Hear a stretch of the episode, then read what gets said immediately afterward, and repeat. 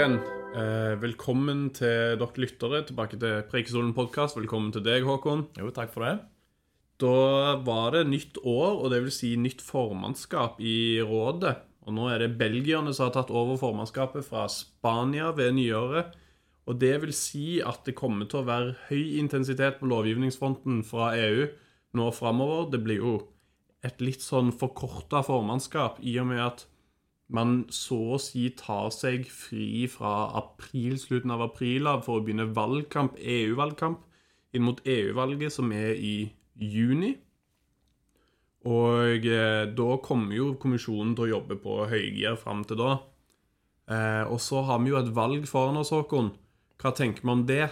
Nei, Det er jo knytta stor spenning til om eh, Ursula von der Leyen, europakommisjonspresidenten, som har gjort seg ganske gjort seg ganske synlig i media og er veldig aktivt ute. Kanskje litt ulikt eh, de som har vært der før. Så det kunne være stor spenning til om hun kommer til å stille igjen. Det har jo vært litt spørsmål om hun vil ha Nato-jobben, f.eks. etter Jens. Men eh, Nato ser ut til å tviholde litt i Jens òg, så det kan jo plutselig være at det blir noen år til med Ursula. Ja, ja, ja, det er absolutt. Og det er jo litt sånn spenning knytta til hvem som eventuelt skulle tatt over da for Ursula. Hva, hva, hva hensyn må man ta, ta, i betraktning der? Det pleier jo å ta litt tid å få på plass en ny kommisjon. Det pleier jo ikke å skje før ute i november. Så, så her, kan det, her, kan den pausen for kommisjonen eh, ta, ta litt lengre tid enn vi forventer, altså. Ja, Det blir spennende å følge med på. Men eh, det er jo rulla ut mye politikk nå i Det var jo ganske rolig en stund fra desember januar i starten, da vi begynte å komme tilbake igjen på jobb, men det er jo blitt rulla ut en del ting. Og Noe av det mest spennende som jeg har lagt merke til, er jo denne subsidiekrigen eh, som du har skrevet litt om, og som du har fulgt med på. Kan du kanskje fortelle oss litt om det? Ja, absolutt. Så det man kan kalle subsidiekrigen, er jo det at EU skal matche IRA, altså denne Inflation Reduction Act i USA. Der det handler om å, om å holde på grønne næringer, få lokke grønne næringer til å sette, etablere seg i Europa og, og skape grønne arbeidsplasser i Europa. Uh, og det skal man da gjøre med subsidier. Det bruker man jo òg i Norge. I Norge har det vært liksom, snakk om denne aktiv næringspolitikk og litt sånn. Det er litt sånn à la det. Uh, bare på liksom europeisk uh, nivå. Og da har europeerne nå kommet med et eller annet lovforslag rundt det at man skal kunne matche subsidier som man blir tilbudt i andre land. Og da var det særlig dette her svenske selskapet Northvolt, batteriprodusenten, som gjerne vil produsere batterier i Tyskland. Og da den tyske regjeringen fikk tillatelse fra EU til å åpne lommeboka og rett og slett gi de 900 millioner euro i subsidier, altså nærmere 9 milliarder kroner i subsidier for at de skulle ha sin batterifabrikk i Tyskland istedenfor å flytte den til USA. Ja, så frykten er litt at selskaper skal rømme, sånn som vi kanskje har sett i Norge med Freyr og Nemlig, og det er jo litt òg derfor dette er kontroversielt. Fordi hvor mye penger skal statene i EU da kunne bruke på å holde på selskaper der man ikke helt vet hvor, eh, hvor eh, økonomisk bærekraftige de er framover i tid, eh, og der dette med arbeidsplasser ennå er litt usikkert. Så det er jo mye av det man tviler på. Men samtidig så er det jo òg eh, uenighet rundt dette innad i EU, fordi noen medlemsland har større mulighet til å subsidiere enn andre medlemsland. Tyskland og Frankrike eksempel, har vært ivrige pådrivere for, for, dette lovverket for å kunne matche subsidier med USA, men de har jo òg en mye større økonomi, en mye større statskasse enn mindre land, særlig også i Sør-Europa, har. Yes, Jeg har jo vært litt, jeg har fulgt litt med på energi og klima nå siste måneden og prøvd å få et uh, ja, få litt uh, informasjon om hvordan det vil se ut på klimafronten i 2024. Og der er det jo mye spennende på gang. Og noe av det jeg ser uh, som vil påvirke ja, hele Norge og Rogaland kanskje spesielt, er jo det at de prøver å utvikle klimakvotesystemet sitt, altså det som de kaller ETS. Så der er det blitt forsterkninger som kommer fra EU. Ja, og det er jo kanskje verdt å nevne litt hva ETS er. Og ETS er jo det som kalles Emission Trading System, altså et, et system der du har et makstak på utslipp, og så reduserer man dette over tid, og så blir selskaper og aktører innenfor visse bransjer eh, tildelt kvoter med tillatelse til å slippe ut. Eh, og disse kan de selge og kjøpe innad blant hverandre. Eh, og etter hvert som det blir mindre kvoter, så skal det jo bli dyrere og dyrere å slippe ut, og disse kvotene blir mer og mer verdt. Altså tilbud-etterspørselteori. Eh, så det, det er jo det som er selve grunnlaget til ETS, og der deltar òg Norge via EØS-avtalen. Eh, og nå skal jo dette utvides til Ja, det er jo det som har vært litt spørsmålet, da. For noe av det som er nytt i det forsterka kvotesystemet, er jo bl.a. at skipsfart tas inn. Så det betyr jo da at skip over 5000 tonn, de vil være kvotepliktige.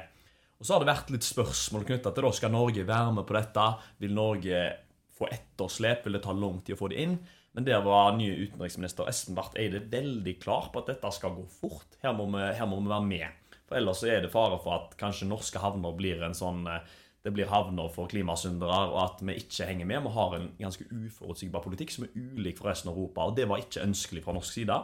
Så da jobba Norge og de andre EFTA-landene på som bare det for å få på plass dette, denne lovgivningen i norsk lov. Og det hadde jo andre fordeler òg. Så Det betyr jo f.eks. at Norge nå kan være med på auksjoner i Hydrogenbanken. Hvor det er mulighet til å formidle fra EUs innovasjonsfond, som er et kjempestort fond, som er sponsa av ETS, av disse klimakvotene. Altså kvoteinntektene til Kvoteinntektene, ja. Ja. Å, mm, sant? Så der er det jo store fordeler og store muligheter for fornybare aktører som holder på med hydrogen ja, hjemme i Norge.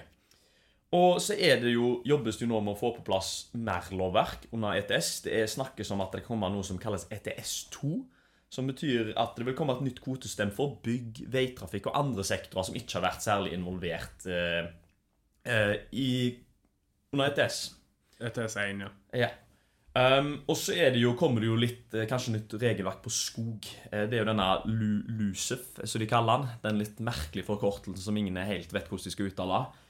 Og der handler det jo da om strengere regelverk rundt arealbruk og CO2-opptak i europeiske skoger. Og der har svenskene, finnene og nordmennene vært ganske skeptiske. Fordi de mener det at det er mange som mener det at det kanskje vil føre til mindre hytteutbygging, det vil gjøre det vanskelig å utvikle vei, og det vil gjøre det vanskelig for skogbruk. Og det er jo ekstremt viktig i alle disse tre eh, nordiske landene. Mm, viktig del av distriktspolitikken òg. Sant vel? Sant? Så det er jo et litt betent tema i Norge. Men det som er med denne eh, lovgivningen her og disse forordningene her, er at vi er ikke, de han er ikke markert EØS-relevant. Vi er ikke plikta til å ta han inn i EØS-avtalen. Men vi har en klimaavtale med EU som sier at vi på frivillig grunnlag samarbeider om å nå utslippsmålene i 2030. Og Da er det jo litt sånn Skal vi klare det, så må vi kanskje ta den inn. Men det har jo vært ganske kontrollert. Skal vi, skal vi ikke? Og da Det ble jo da beslutta at den første delen av den lovgivninga, den tas ikke inn. Men det som kan skje nå, etter den er blitt litt forsterka, denne forordningen her nå, og nå vil jo det bli vurdert eh, fra norsk side om denne skal tas inn i EØS-avtalen, eller om det blir funnet en annen løsning på akkurat det der. Så det blir veldig spennende i tida framover. Så kan det jo være verdt å nevne òg at i januar så har vi arrangert lynkurs. Og Håkon, hva er lynkurs? Lynkurs er jo noe vi arrangerer sammen med de andre regionskontorene her i Brussel og sammen med KS.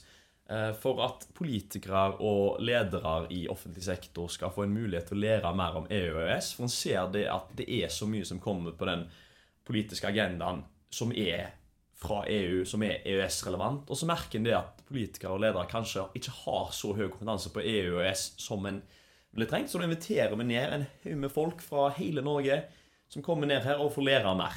Mm, det er i all hovedsak folkevalgte som kommer på, på dette arrangementet. Og en av de folkevalgte vi har hatt som, eh, som eh, deltaker på lynkurs fra vår region, det er jo Håvard Handeland, ordfører i Sauda. Og vi har i tillegg vært så heldige at vi fikk lov å ta en prat med han her på podkasten om det. Og det er vi veldig fornøyde med, fordi Håvard Handeland er jo en ganske interessant type.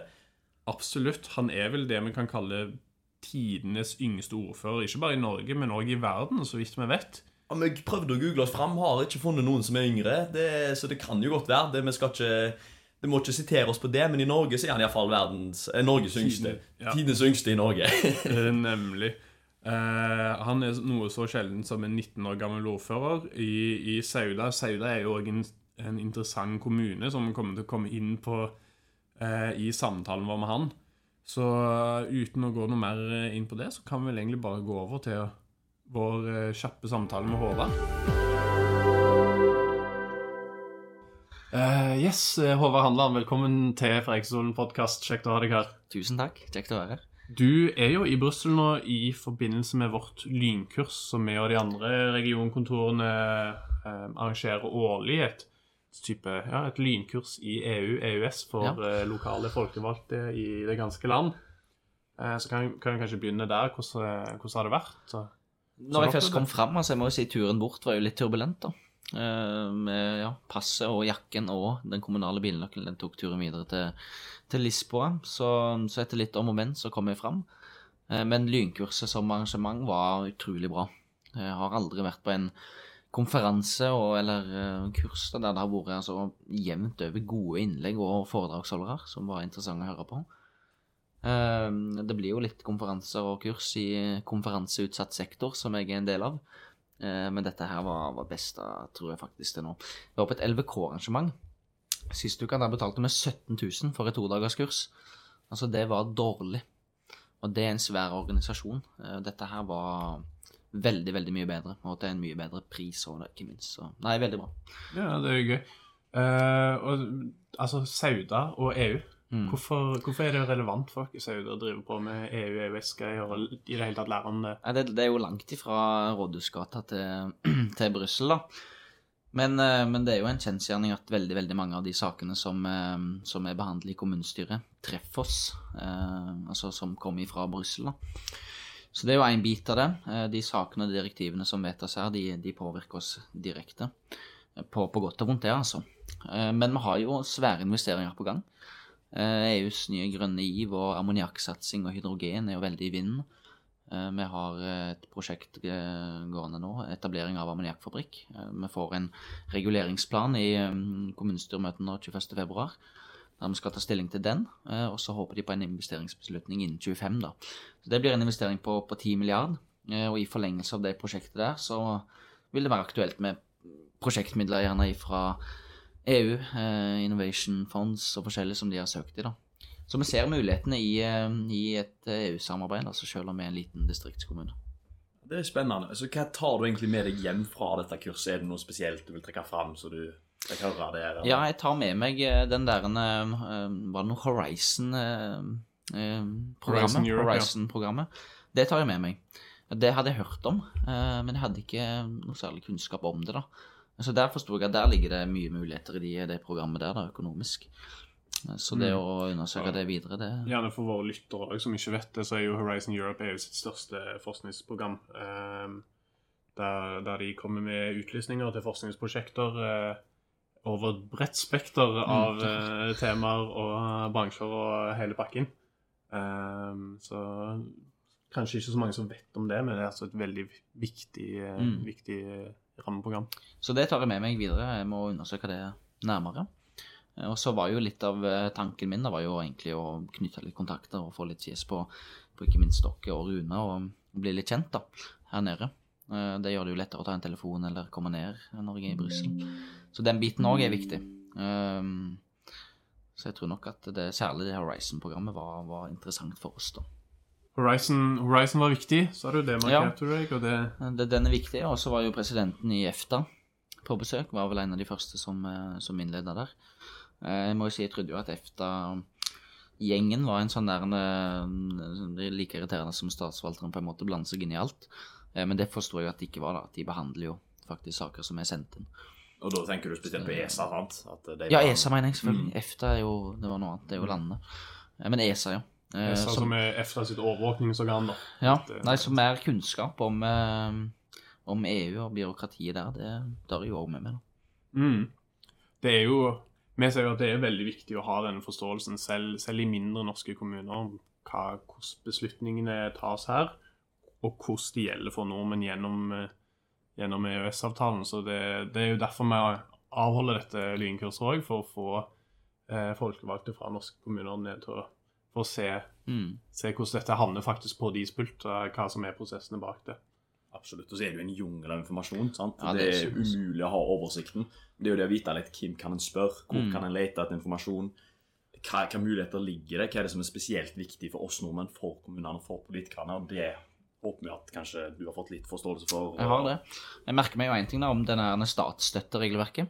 Mm -hmm. eller offentlig støtte, da, som er et bedre navn på det.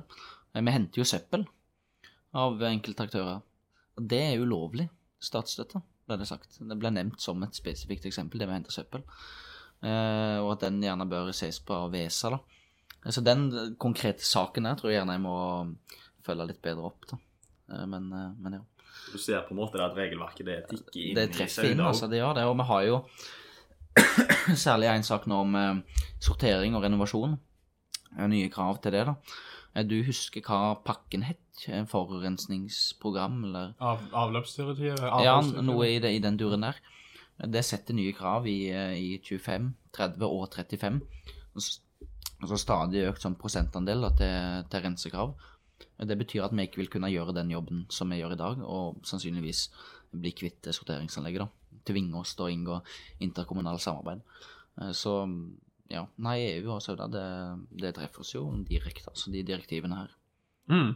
Men eh, så hvis vi ser litt framover, siden du var innom dette her med ammoniakk, og EU er midt i dette her, prøver å være en leder i det grønne skiftet, eh, og finne energibærere som hydrogen og, og ammoniakk. Vi forsto det sånn at du har vært på besøk hos eh, Iverson E-Fuel i, i Sauda, og, Ja. og er litt eh, ja, med i denne prosessen her. Kan du kanskje fortelle oss mer om det, og hva Iversen-gjengen er er jo kompiser, ikke sant? De lokale hub-koordinatorene er jo, er jo fantastiske folk, så de er kjekke å være på besøk hos. Men, eh, men ja, vi snakker jo om altså verdens største grøntproduserende ammoniakkfabrikk. Vi har skjønt at det er tre typer av, eh, av eh, ammoniakk. Grå, der en produserer med naturgass og ikke fanger utslippet. Blå, der en produserer med naturgass og fanger. Men i Sauda altså grønn, der en produserer ammoniakk med vannkraft og, og spalter vannet da gjennom en sånn elektrolyseprosess. Så det snakker 200 000 tonn årlig med ammoniakk. Eh, Det vil dekke forbruket, forbruket til en stor del av, eh, av skipsflåten. Da. Så eh, nei, hei på det. Hei på det, altså. Søda tar energiomstillingen på alvor. Ja, vi har begynt. Altså, det grønne skiftet i Søda har jo pågått lenge. Vi har jo et smelteverk som er over 100 år gammelt. Nå har de fått en, en pilot gassmotor, støtte fra Enova og diverse. Eh, Den eh, brenner utslippet deres, som eh, vises med denne tradisjonelle flammen over fabrikken. En sånn CO-gass som brennes i en gassmotor, eh, og får da termisk energi og elektrisk energi. Og den termiske biten, altså varmtvannet, det brukes til å varme opp gater, eh, brukes som fjernvarme i kommunale bygg, varme opp stadion. Så det er energi som aldri er produsert, da, men bare et resultat av en annen produksjon. Så det er jo sirkulærøkonomi i, i praksis. Absolutt, absolutt.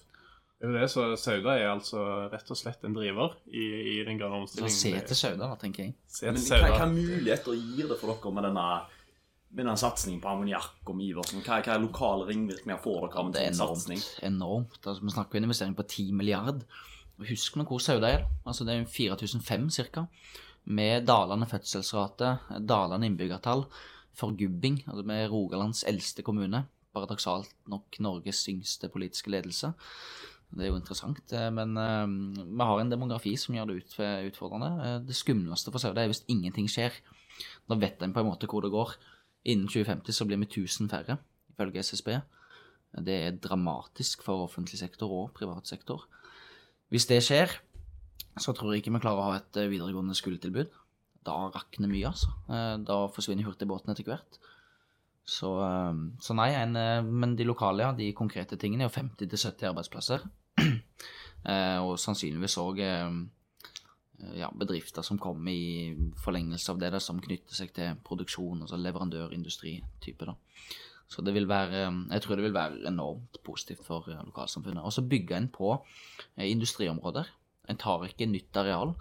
Så det er jo en bit i det klimaregnskapet, da, med, med nedbygging og, og den arealplanleggingsbiten.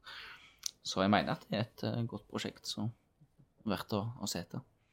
Du kommer jo inn på demografi, og jeg tenker, er det noe dere er bekymra for at uh, folk flytter vekk, at folk reiser ut og studerer, folk reiser til Stavanger eller til Bergen eller til Haugesund eller hva det måtte være? Ja, det er jo skummelt det der, da. Eh, Men jeg har jo skjønt at vi er jo ikke de eneste som sliter med det. sant? Det er jo Det er en jo eh, et, Det skjer jo her òg. ja, det skjer stort sett alle er 80% eller noe sånt av kommuner i Europa Ja, så vi, samme problem. Så. Så jeg prøver jo å få fram det at, um, at ja, vi skal drive en aktiv rekrutteringspolitikk og den biten der, og ha, ha penger til det, men samtidig så, så kjemper vi jo mot eh, altså, megakrefter.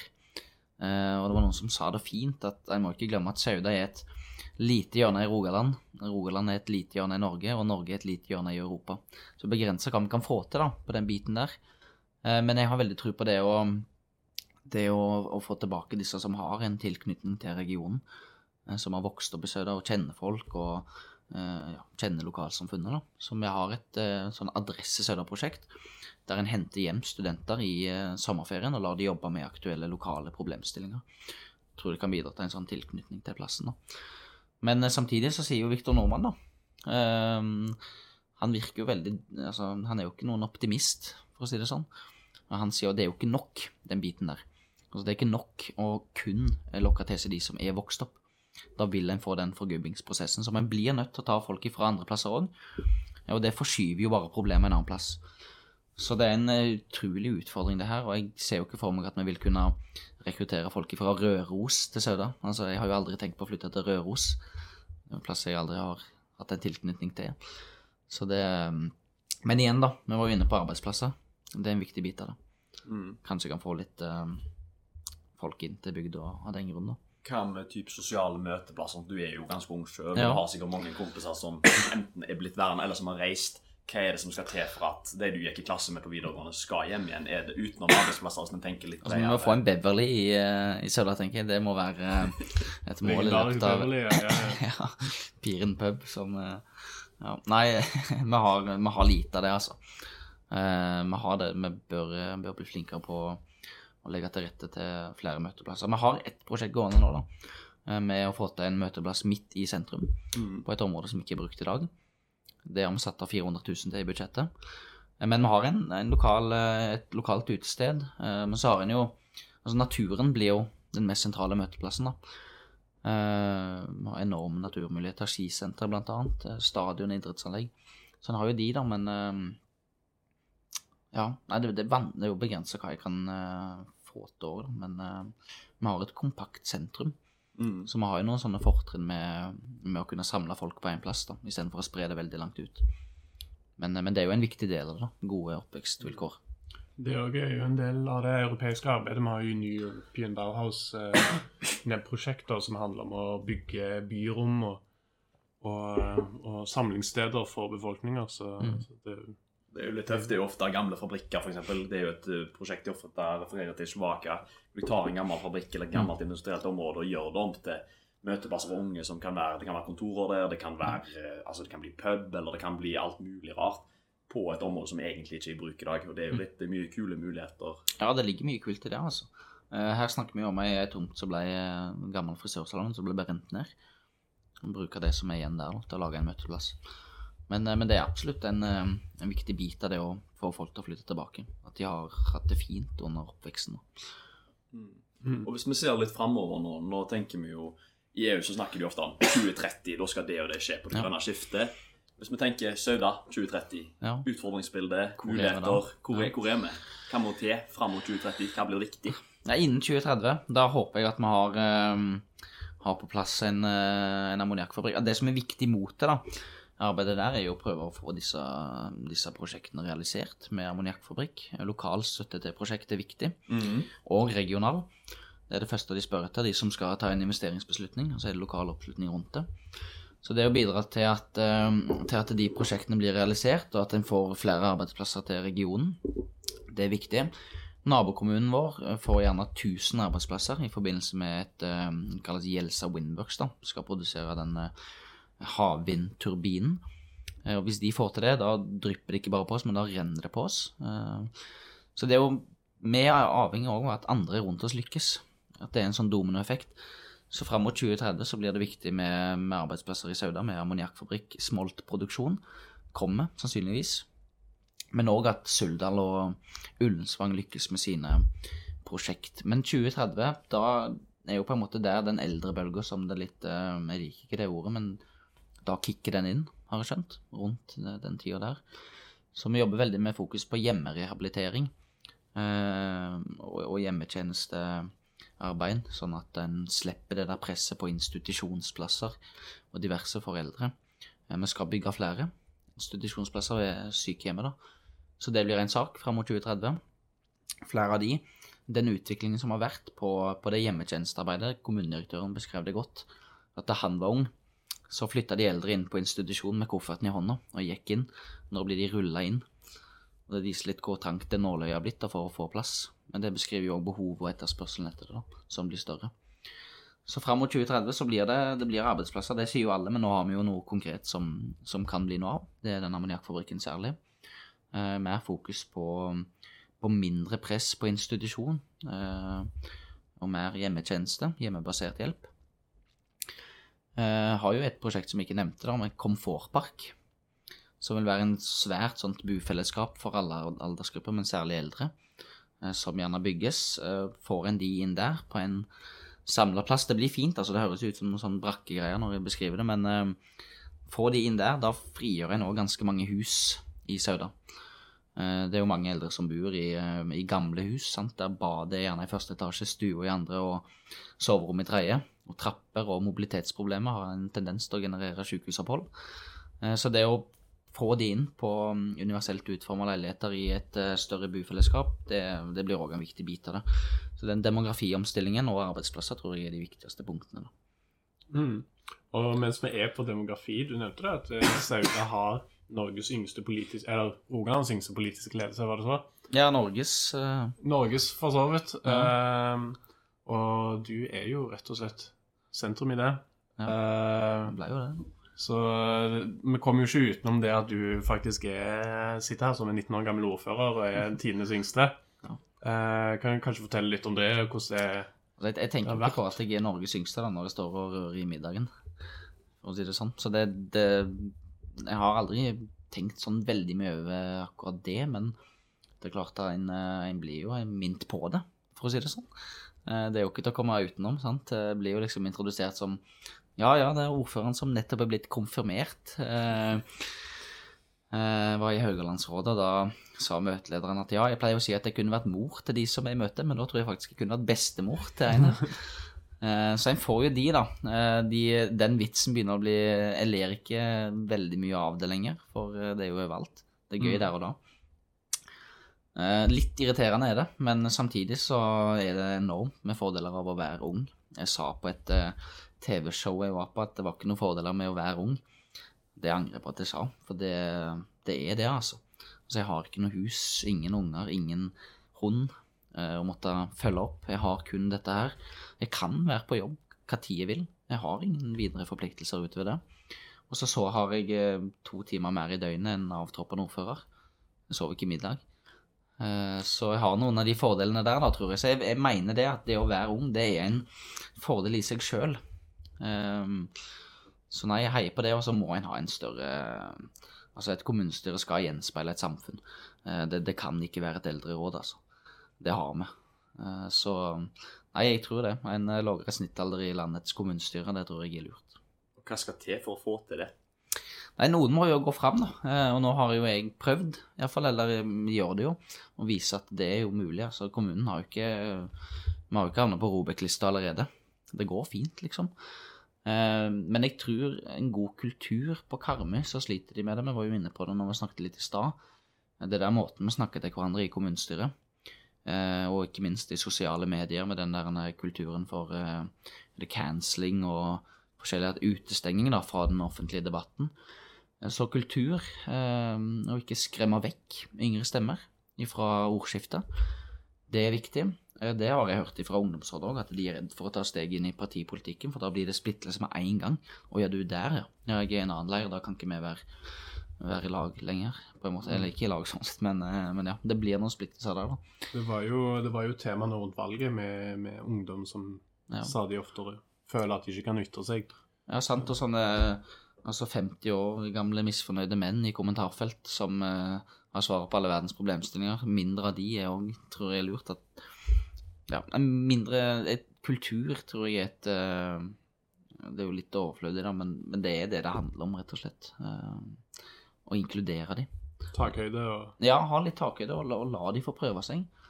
Um, ja, jeg skjønner ikke hvorfor det er fordommer mot å ha yngre folk i politisk ledelse. Altså, det er jo ingen sammenheng mellom alder og positive resultater i politikken. da. Altså verdens mektigste leder, Joe Biden, som nærmer seg ja, Han er vel sikkert han sliter litt av predemens og forskjellig, så det er jo en utfordring i tillegg. Men han sovna jo på klimatoppmøtet. Sant? Eh, Og livserfaringen hjalp ikke han akkurat der, da.